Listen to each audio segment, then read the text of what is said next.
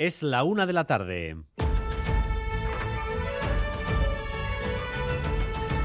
Crónica de Euskadi con Dani Álvarez. A Rachaldeón, el PNV ha iniciado esta mañana una ofensiva política contra la ley de vivienda anunciada por Euskal Herria Bildu, Podemos y el PSOE con el apoyo también de Esquerra. Aitor Esteban ha agotado los calificativos esta mañana en Boulevard y en esa lista de calificativos no hay ni uno solo positivo, con agravante para los gelchales de que la ley supone una invasión competencial inadmisible. Tanto que Aitor Esteban cree que habría razones incluso para llevarla al Tribunal Constitucional.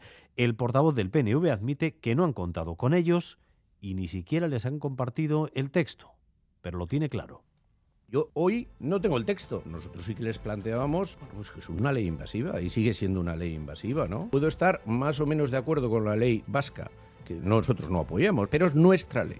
Y la voy a defender contra viento y marea. Para un grupo soberanista e independentista le tiene que resultar al menos contradictorio el dar vía abierta y que puede implantar el Estado por primera vez políticas de, vivienda en las que hasta ahora, insisto, hasta el Tribunal Constitucional había parado los pies. Por contra, el Carrequín y Euskal Herria Bildu disfrutan de su momento de protagonismo con una ley que habían marcado como prioritaria en el Congreso. Es más, Unidas Podemos le da la vuelta al argumento de Aitor Esteban y afirman que son las instituciones vascas las que deben ponerse las pilas para adaptarse a lo que plantea esta nueva ley.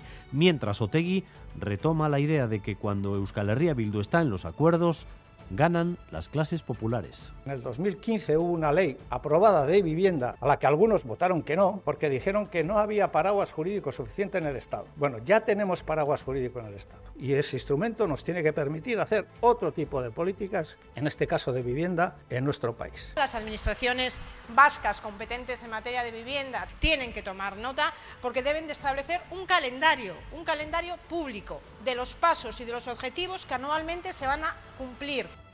Faltan los socialistas vascos por tomar posición en este asunto, aunque podemos intuir que el PSE se alineará con el Partido Socialista en su acuerdo con Unidas Podemos, Esquerra y Euskal Herria Bildu. Confluyen varios asuntos políticos en la mañana de hoy y la mayor parte de ellos se deciden en Madrid. No solo la ley de vivienda, también la reforma de la ley del solo sí es sí. Finalmente el PSOE y el PP alcanzan un acuerdo para endurecer las condenas a los agresores y cambiar así la corriente con las excarcelaciones y las rebajas de condena por las que ayer pidió perdón el presidente. Madrid y Sarobaza. El PSOE descarta a sus socios y al bloque de investidura y se postula por el Partido Popular para sacar adelante la reforma de la ley del solo sí es sí. Socialistas y populares han cerrado un primer acuerdo técnico. Han acordado tipificar como delito la difusión de contenidos que promuevan agresiones sexuales cuando se trate de menores de 16 años. Ambas formaciones siguen negociando para llegar a más acuerdos a pesar de las críticas de Podemos. Los morados no entienden que los socialistas opten por coger la mano de los populares en vez de apoyarse en la mayoría de investidura. Aumentan los delitos de odio en nuestro país. El consejero Ercoreca ha hecho balance de los denunciados en 2022 y vemos cómo hay dos corrientes delictivas que se asientan como las más frecuentes. Racismo y machismo. Irache Ruiz. Crecieron un 57% y se han multiplicado por cuatro desde el comienzo de la pandemia. El colectivo más atacado sigue siendo el árabe, sufren tres de cada diez delitos, le siguen los relacionados con la orientación sexual y el año pasado se registró un pico de delitos con componente de género, los 68 pinchazos a mujeres registrados en verano que muchos de los delitos que antes eran sencillamente de lesiones o de amenazas, ahora sabemos que tienen un componente de odio gracias a esta mayor eh, sensibilización. Dice Coreca que ahora se denuncia más y que la Ertzaintza detecta mejor estos delitos. Primer día de la campaña de la renta en Vizcaya. Tal es la ansiedad por saber cómo queda, si a pagar más o a devolver, que el sistema se ha colapsado como si fuera la venta de entradas para un macroconcierto. o la Bengoa. Pues sí, no solo a media mañana la sede electrónica de la Diputación Foral de Vizcaya no ha dado más de sí y ha tenido que ser cerrada durante alrededor de una hora para dotarla de más capacidad. El servicio se ha restablecido, pero sigue siendo aún difícil a esta hora acceder a esos borradores porque siguen siendo muchas las peticiones. Hasta mediodía se han presentado ya 3.880 declaraciones. La campaña, recordamos, se prolonga hasta el 30 de junio.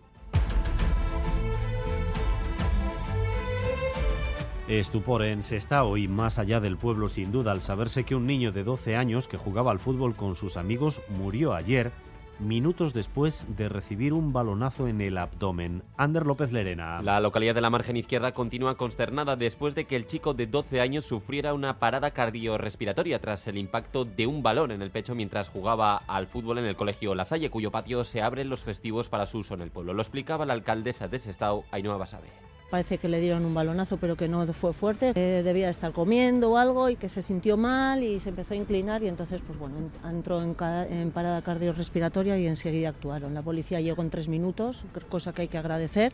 La Erchanza mantiene la investigación abierta para aclarar qué pudo haber ocurrido. Un tribunal ruso ha condenado a uno de los opositores a Putin más relevantes a 25 años de cárcel por haber criticado la invasión rusa de Ucrania. Óscar Pérez. Vladimir Karamursa, el tribunal lo condena al considerarlo culpable de tres delitos: traición, colaborar con una organización extranjera indeseable, según la ley rusa, y por haber difundido noticias falsas sobre el ejército ruso. Karamursa aseguró en las primeras semanas de la invasión que las tropas rusas habían bombardeado escuelas, hospitales y edificios de civiles en Ucrania. Su condena es una de las más duras a opositores rusos en las últimas décadas y un serio aviso a quienes quieran alzar la voz en Rusia.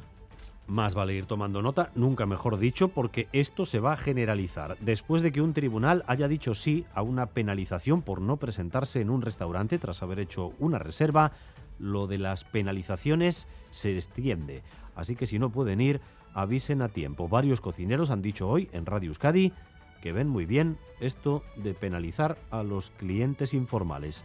Escuchemos a Fernando Canales, Luis Ángel Plágaro y Javi Rivero al final cada restaurante es libre de aplicar las políticas que decidan y estando todo avisado y prácticamente ser una especie de contrato que tú has aceptado, están en su derecho de cobrarlo. La política de cancelación es un compromiso en ambas partes. Tú cuando reservas en un restaurante estás reservando periodo de horas en los que hay una gente que se va a dedicar a ti. La gente que juega a reservar en varios restaurantes y elegir luego uno, lo sé porque yo tengo varios restaurantes en Vizcaya y nos han hecho en mis restaurantes la misma reserva a la misma hora con la misma persona. Fíjate que es demencial el tema, ¿no?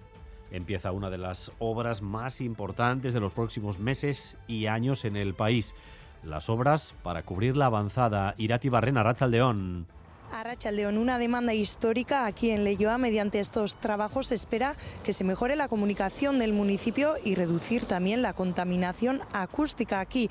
Los vecinos tienen opiniones de todo tipo, aunque la mayoría ve con buenos ojos el proyecto. Más vale tarde que nunca, ¿no? Esperemos que quede bonito. Son tres años lo que van a durar en las obras, que va a ser tela, ¿eh? Le ha molestado durante años el ruido y estaba ya esperando de que empiecen de una vez las obras para ver si les dejan un poco tranquilos. Nosotros vivimos en la otra parte y estábamos un poco aislados. Estamos deseando encima para poder pasear por todo ello. Cubriendo la avanzada se creará un nuevo núcleo urbano de 4.500 metros cuadrados. Se espera que los trabajos finalicen para el verano de 2026. De momento no hay ninguna afección en el tráfico. La Diputación trabaja por ahora con la señalización. Esta noche en Cádiz se celebra la gala de los premios Max. Tenemos récord de candidaturas finalistas, hasta 13 y entre esos finalistas destacan la actriz, directora y dramaturga bilbaína Mairía Goirizelaya, que opta a cuatro premios, y Kukai, que puede ganar hasta tres. También Iñaki Ricarte, Ikerne Jiménez y Anne Picaza, esta última nominada a Mejor Actriz. Ella misma nos reconocía esta misma mañana la enorme ilusión que le hace. La verdad es que es un súper placer ¿eh? llegar aquí y encontrarte, bueno, con amigos, ¿no? Y con compañeros de profesión y saber que tenemos un espacio y que los trabajos que están haciendo están teniendo un recorrido, las artes escénicas vascas están teniendo un, un buen momento, una buena acogida también. Multitudinaria comparecencia de prensa del presidente del Barça, Joan Laporta, caso Negreira. Tres ideas. El Barça es el perjudicado, no el beneficiado. El Madrid estaría mejor calladito y la UEFA no puede sumarse a esto. El Futbol Club Barcelona no ha comès cap delicte. No és cap delicte de corrupció esportiva. Es prestaven uns serveis. Aquests serveis estaven documentats. Hi havia un, un, uns pagaments, com he dit abans, via transferència bancària. Nos prestaba un servicio que estaba documentado. Bueno, vamos con otras cuestiones del deporte. Álvaro Fernández Cadierno, Arrachaldeón. Arrachaldeón hay que destacar, por ejemplo, el empate a cero del Alavés en Gijón anoche. Le deja dos puntos del ascenso directo. El líder sigue siendo el Eibar en pelota. La victoria de Ezcurria sobre Jaca en el mano manista y, por supuesto, a John Ran no ganaba en el Heritage, pero es ya el décimo jugador de la historia con más semanas en el número uno del mundo, 48.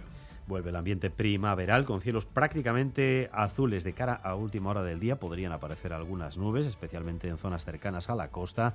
pero en todo caso temperaturas agradables con 17 grados en Bilbao, 15 en Bayona, 14 grados en Donostia y en Pamplona y 13 grados de temperatura en Vitoria-Gasteiz. Y en carreteras, en Zambrana, esta mañana un camionero ha perdido la vida después de salirse de la vía en la AP68, Ander. Sí, ha ocurrido sobre las 7 de la mañana en la AP68 en Zambrana, sentido Logroño. Por causas que se desconocen, un camionero de 39 años de edad ha perdido el control y se ha salido de la vía. El camión ha quedado completamente volcado, ocupando parte de la calzada. Los bomberos han conseguido sacar al hombre que había quedado atrapado en la cabina, pero los servicios de emergencia no han podido hacer nada para salvar su vida. A esta hora, un carril aún continúa cortado en ese punto, la AP68 en Zambrana, sentido Logroño. En el resto de la red viaria, sin incidencias destacables, según informa el Departamento de Seguridad. Gracias un día más por elegir Radio Euskadi y Radio Vitoria para informarse. Raúl González y José Ignacio Revuelta se encargan de la dirección técnica y Aichiber Bilbao de la coordinación.